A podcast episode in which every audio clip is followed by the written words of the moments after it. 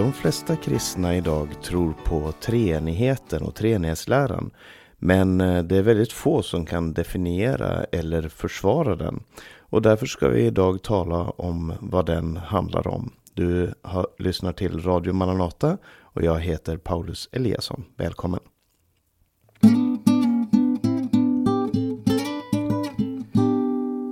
Det första jag ska nämna är vad är treenighetsläran för någonting? Vad är det vi tror på? Vad är det vi påstår när vi säger att Gud är treenig? Och eh, argumentet eller påståendet är tvådelat. För det första så säger, säger vi att Gud är ett väsen. Gud är en. Det är det första. Det andra är att denne Gud existerar denna enda Gud existerar som tre likställda och eviga personer, Fadern, Sonen och den helige Ande. Igen, Gud är ett väsen.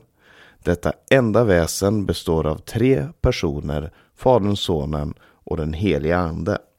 Så enkelt är det. Eh, ofta så hör man människor som säger att man kan inte förstå treenigheten. Det är omöjligt att förklara den. Det är det inte. Man kan förstå den. Man kan inte gripa tag i allt vad treenigheten betyder och alla dess aspekter, för då skulle vi gripa tag i Gud själv. Men det är fullt möjligt att förstå de här två påståendena. Ett väsen, tre personer. vad menar jag då när jag säger att Gud är ett väsen? Väsen eller varande, det är vad, vad någonting är. Eh, jag är en människa. Det är mitt väsen. Eh, det här, du kan tala om en hund eller en, en katt eller eh, vad som helst. Det är ett väsen. På engelska talar man om, om being, eh, a being, ett, den som är något. Och Gud är ett väsen, ett unikt väsen. För ingen är som Gud, evigt existerande, allsmäktig, tidlös och så vidare. Gud, det finns bara ett väsen som är Gud. Men det, i den andra delen så sa jag att Gud består av tre personer. Och person, det är vem något är. Om ett väsen är vad något är, så är en person vem någon är. Vi människor är ett väsen med en person. Jag är en människa Eh, och vem är jag? Jag är Paulus Eliasson och eh, det betyder att jag är ett väsen med en person. Medan Gud är ett väsen med tre personer. Och de här tre personerna gör olika saker.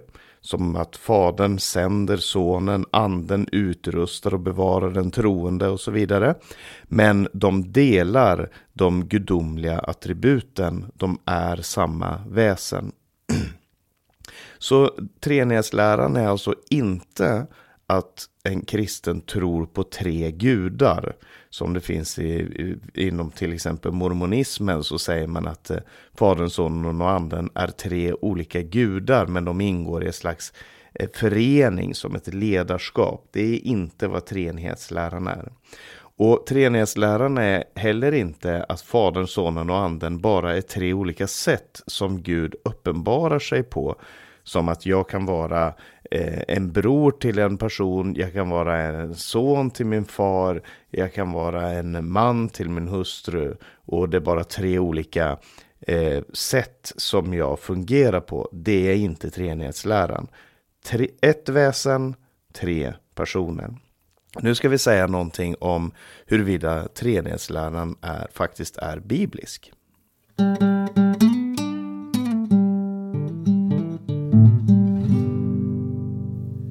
Första man kan säga och som många har påpekat för mig, framförallt när jag pratat med Jehovas vittnen eh, som inte tror på treenighetsläran, det är att eh, det är att ordet treenighet inte står i Bibeln.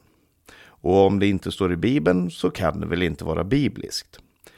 Det intressanta är att ett annat ord som inte står i Bibeln, det är ordet Bibeln. Bibeln nämns inte i Bibeln om du vill. Eh, I alla fall inte med det ordet. Utan det är ett båda de här sakerna är samlande begrepp för den konklusion som man kommer till när man tar till sig vad Bibeln lär om Gud. Det är vad treenigheten är. Det är eh, det är inte vad treenigheten är, det är vad treenighetsläran är. Läran om treenigheten.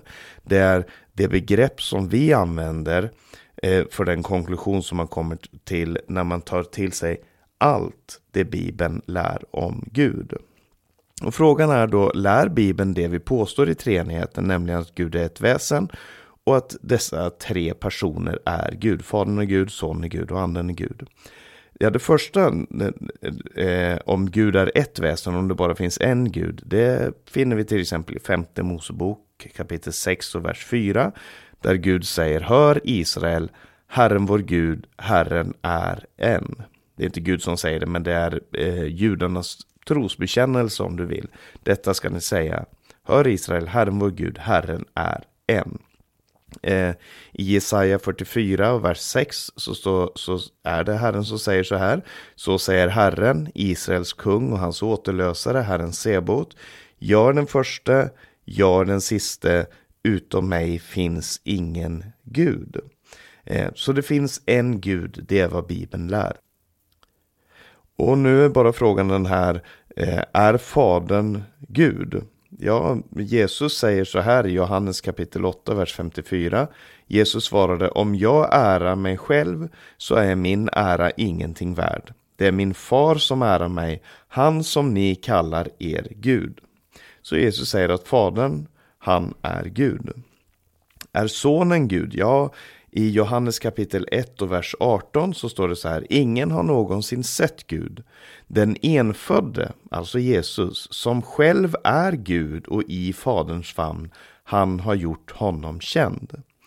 Eller som det står i Titus 2.13, medan vi väntar på det saliga hoppet att vår store Gud och frälsare Jesus Kristus ska träda fram i härlighet. Det är bara två exempel på när Jesus benämns som Gud. Är anden Gud? I andra Korinthierbrevet 3 och 17 så står det Herren är anden och där Herrens ande är, där är frihet. Så om man tar hela Bibeln eh, som den står så är det helt klart att Fadern är Gud, att Sonen är Gud och att anden är Gud, men det finns bara en Gud. Och det är det treenighetsläran eh, tar höjd för och förklarar. Nu ska vi se på en annan fråga om Fadern, Sonen och Anden är tre olika personer.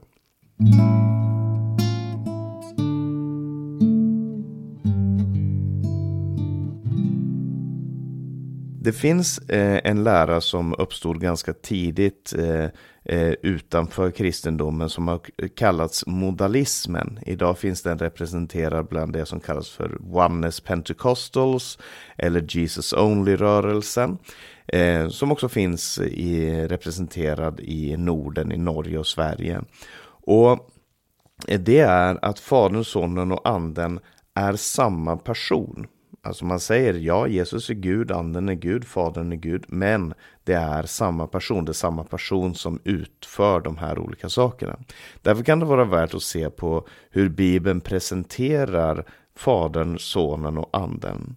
Till exempel i Johannes kapitel 17, vers 1 så säger Jesus här, när Jesus hade sagt detta lyfte han blicken mot himlen och bad Far, stunden har kommit, förhärliga din son så att sonen kan förhärliga dig. Här är det Jesus som talar till Fadern och han talar om att Fadern eh, eh, har förhärligat sonen och nu ska sonen förhärliga Fadern. Så de förhärligar varandra. Jesus säger inte jag har förhärligat mig och nu ska jag förhärliga mig. Men Fadern och Sonen är två olika. I eh, Johannes kapitel 16 så talar Jesus om anden och säger att han, där i Johannes 16 vers 14, han ska förhärliga mig. Han ska ta av det som är mitt och förkunna för er. Så Jesus säger att anden ska tala om honom och de är alltså då två olika personer. Eh, och en annan fråga som många har ställt sig är om anden verkligen är en person eller, som, eller om det är så som Jehovas vittnen säger att anden är ett, eh, ett, eh, en kraft, en energi som bara utgår ifrån Fadern. Men i till exempel Efesierbrevet kapitel 4 Och vers 30 så står det Bedröva inte Guds heliga ande som ni har fått som ett sigill för befrielsens dag. Alltså man kan bedröva Guds ande. Anden är alltså en person som har ett känsloliv och inte bara en kraft. Och även om treenigheten som begrepp inte nämns i Bibeln så bekräftas alltså allt som treenighetsläran påstår och därför är det en biblisk lära. Det är också så att väldigt ofta så nämns de tre personerna i treenigheten tillsammans. Till exempel i Matteus kapitel 28, vers 19. Gå därför ut och gör alla folk till lärjungar, döp dem i Faderns och Sonens och den heliga Andes namn. Där nämns de tillsammans. I första Korinthierbrevet kapitel 12, vers 4 så står det det finns olika nådegåvor, men anden är densamme. Det finns olika tjänster, men Herren, som är den vanliga benämningen på Jesus, är densamme. Det finns olika kraftgärningar, men Gud, som är sättet som eh, många av Nya Testamentets författare talar om Fadern, är densamme, han som verkar allt i alla. Eller första Korinthierbrevet 13 där det står Vår Herre Jesu Kristi nåd, Guds kärlek och den heliga Andes gemenskap vare med er alla. Så treenigheten är alltså inte ett problem. Det är, det är inte ett, eh, någonting som man har svårt för att eh, för, försvara när man kommer till Bibeln. Och det är heller inte en förvanskning av bibeltexten. Utan treenigheten det är en lösning och en systematisering av Bibelns förkunnelse om vem Gud är.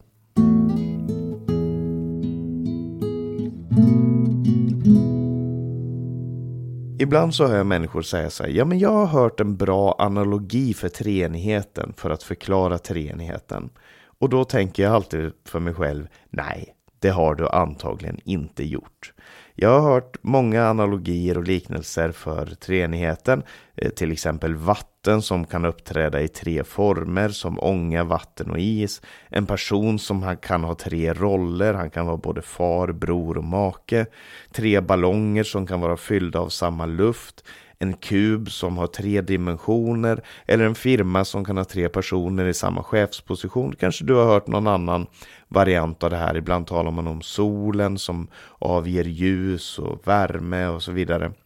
Men alla de här analogierna är ja, de är dåliga. Helt enkelt för att även om de fångar en del av sanningen om treenigheten så förvränger de andra delar ofta så, till den grad att det bara blir villoläror. Vatten kan uppträda i tre former, ånga, vatten och is. Ja, men de uppträder inte i de tre formerna samtidigt.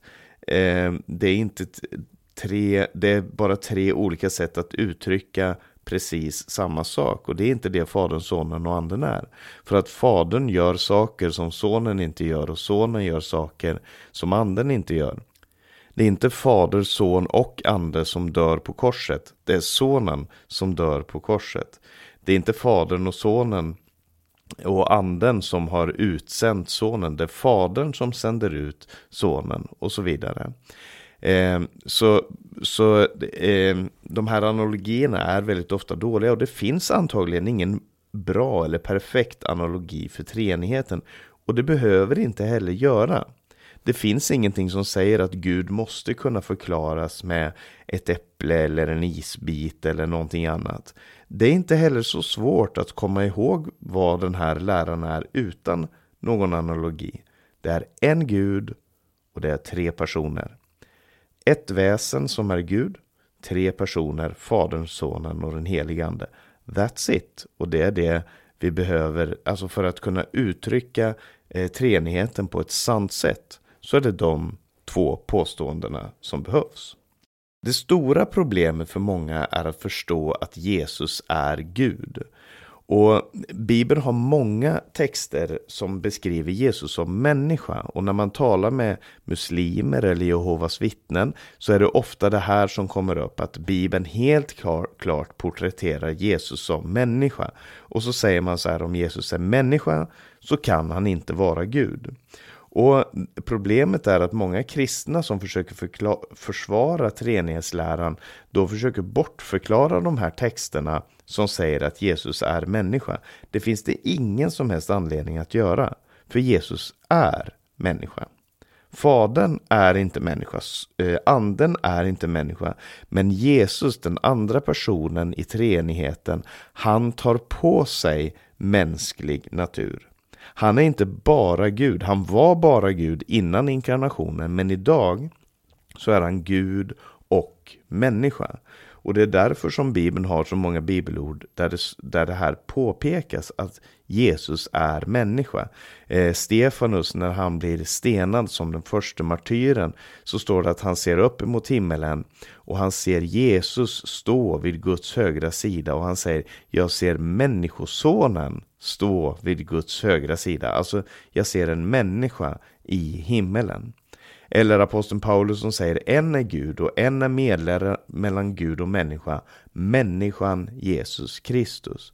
Och det treenighetsläran förkunnar det helt klart. Eh, och, och, det är den kristna tron, tron på det som kallas för den hypostatiska föreningen, som alltså är att Jesus är 100% Gud och 100% människa. Det är, eh, det är helt klart någonting vi tror på. Så problemet är inte att försvara, eh, att säga att Jesus inte var människa. Jesus var människa, är människa. Eh, men han är också helt och fullt Gud. Och det intressanta är att när man ser på kyrkohistorien och den tidiga kyrkohistorien så var det ofta inte så att man var tvungen i den, i den första, de första två århundradena, att man var tvungen att försvara det faktum att Jesus är Gud. Det var det inte alla som hade problem med. Det, när man talar om, om modalister och docetister och andra eh, läror så, så fick man ofta försvara det faktum att Jesus var människa. Om du läser till exempel första Johannes brev så uttrycker han det ganska tydligt där Johannes där han säger Eh, när han säger det som var ifrån begynnelsen, det vi, jag ska ta och läsa det här, eh, ta och läsa det här innan till istället för att försöka citera det från minnet, för då brukar det bli i alla fall lite fel. Det som var från begynnelsen, det vi har hört, det vi med egna ögon har sett, det vi har skådat och rört med våra händer, om detta vittnar vi livets ord. Alltså, han säger uttryckligen Jesus var en fysisk ett, en fysisk varelse, någonting som många eh, på den tiden inte trodde, eller det började dyka upp på 200-talet, slutet av 100-talet, slutet av ska vi säga, det första århundradet, början på det andra århundradet, så kom de här lärarna som försökte förklara att Jesus var Gud, men han var inte människa. Men Bibeln säger helt klart och tydligt att Jesus var både Gud och människa. Han är den sanne Gud och det eviga livet. Nu ska vi säga lite grann om historien.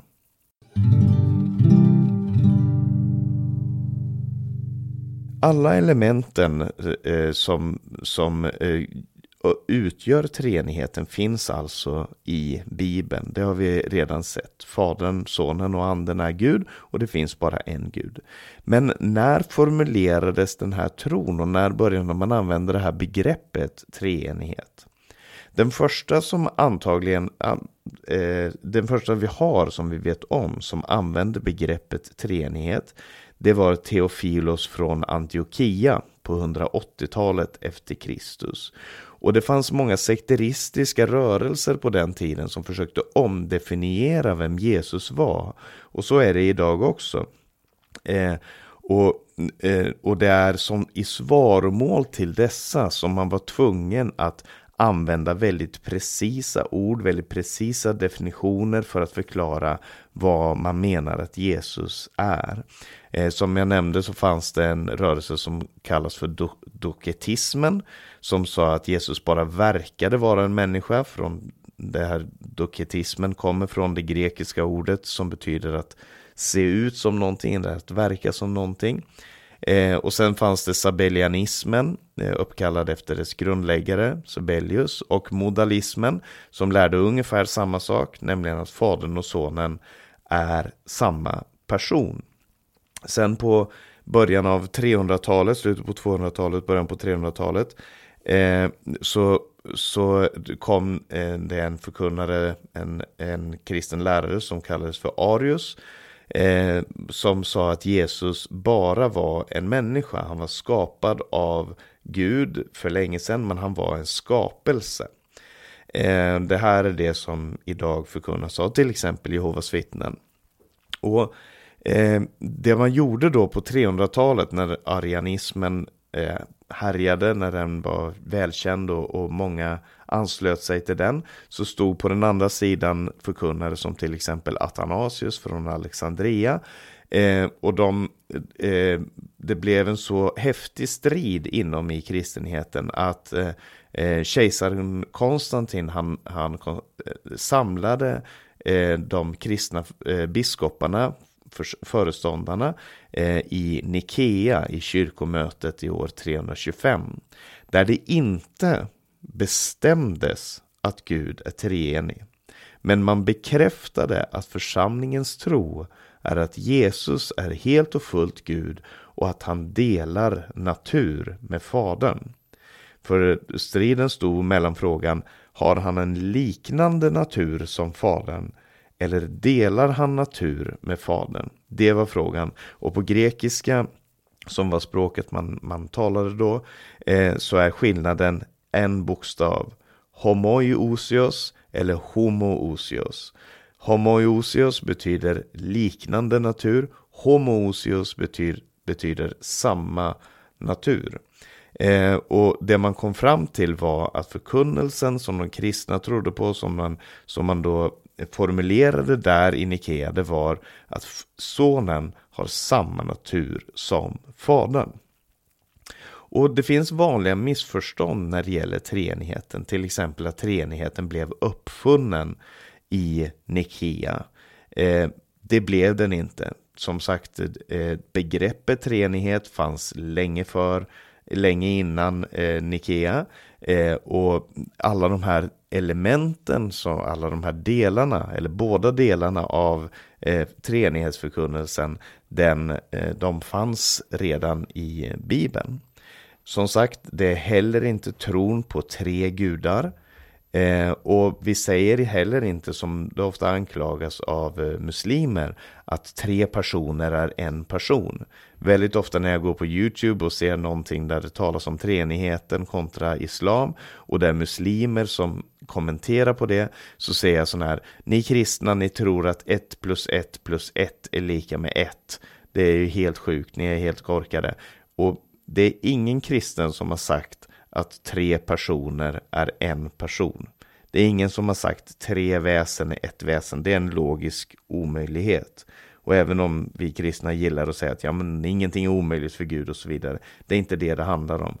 Det ena är frågan om vad Gud är. Gud är en, Gud är ett väsen. Det andra är frågan om vem Gud är. Gud är tre personer. Det är ingen förvirring mellan de här tre personerna, ingen sammanblandning mellan de tre personerna, men alla tre personerna är helt och fullt Gud. Och det är viktigt att förstå vad treenigheten är när vi möter till exempel muslimer, Jehovas vittnen eller Oneness-rörelsen, Jesus Only-rörelsen eller liberalteologer, eh, eh, de som tror på eh, liberalteologin. Men framför, så på det sättet så är det viktigt för att kunna bemöta dem, för att kunna svara, för att kunna förklara vad det är vi faktiskt tror på.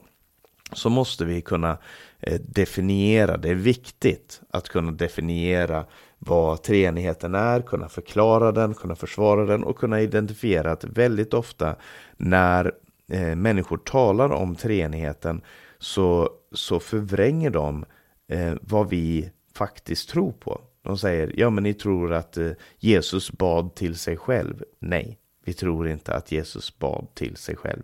Ja men ni förnekar att Jesus var en människa. Nej, vi förnekar inte att Jesus var en människa. Även om det inte är egentligen en, eh, det som hör till själva treenighetsläran. Det handlar om Jesu två naturer.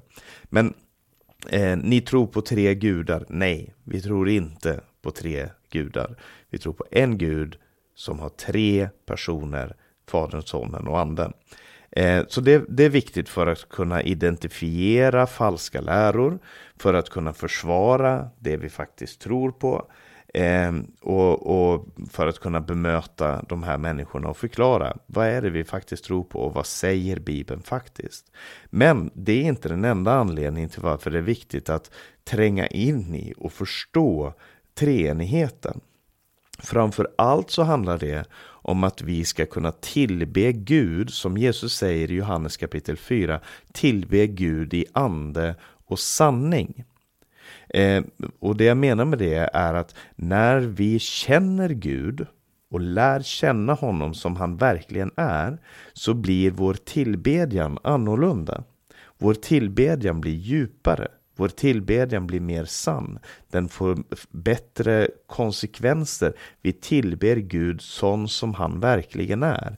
Vi skapar inte Gud i vår avbild. Vi skapar inte en, en annan bild av vem Gud är, utan vi kan tillbe honom som han är. Och när man tränger in i hur treenigheten fungerar, hur de tre personerna interagerar med varandra, vad de gör för varandra, hur de älskar varandra, hur de tjänar och så vidare. Då lär man sig mer om Gud och man lär sig mer om sig själv och man kan tillbe Gud på ett rätt sätt. Därför så är inte treenighetsläran en petitess. Det är heller inte en, en teologisk spetsfundighet eh, som man kom på på 300-talet bara för att eh, göra det jobbigt för, för kristna genom tiderna och förstå vad det handlar om. Utan det är något som definierar oss som kristna. Och lägg märke till det här att det så ofta är strid om just de här frågorna som definierar vad, vilka vi är som troende. Det är just de här eh, frågorna som, eh, och, och de här frågorna som definierar vem Jesus är. Alltså fråga någon vad han, vem och vad han menar eh, att Jesus är och du ska med en gång se om det är en person som håller sig till Bibeln eller inte.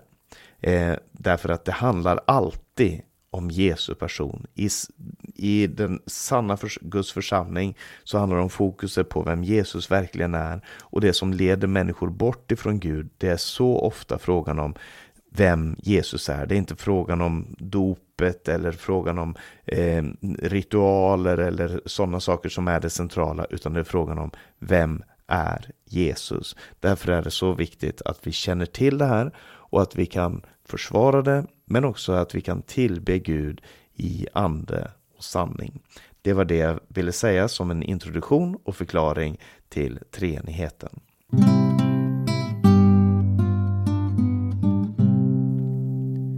Vi ska strax lyssna på en sång, men först ska jag ge lite information om Radio Maranata. Du har lyssnat på en podcast ifrån Radio Maranata med mig, Paulus Eliasson. Det här programmet har sänts över Stockholms närradio 88 MHz och Örebro närradio 95,3 MHz. Sprid gärna de här programmen till andra också om du tycker att de är intressanta. Om du har frågor eller kommentarer omkring programmet så kan du skicka en e-post till info.maranata.se eller ringa 070-201 60 20. På hemsidan mananata.se kan du höra de här programmen, läsa minasropet, se Radio Mananatas övriga sändningstider och mycket annat. Sprid Guds välsignelse till alla du möter. Vi hörs igen om en vecka.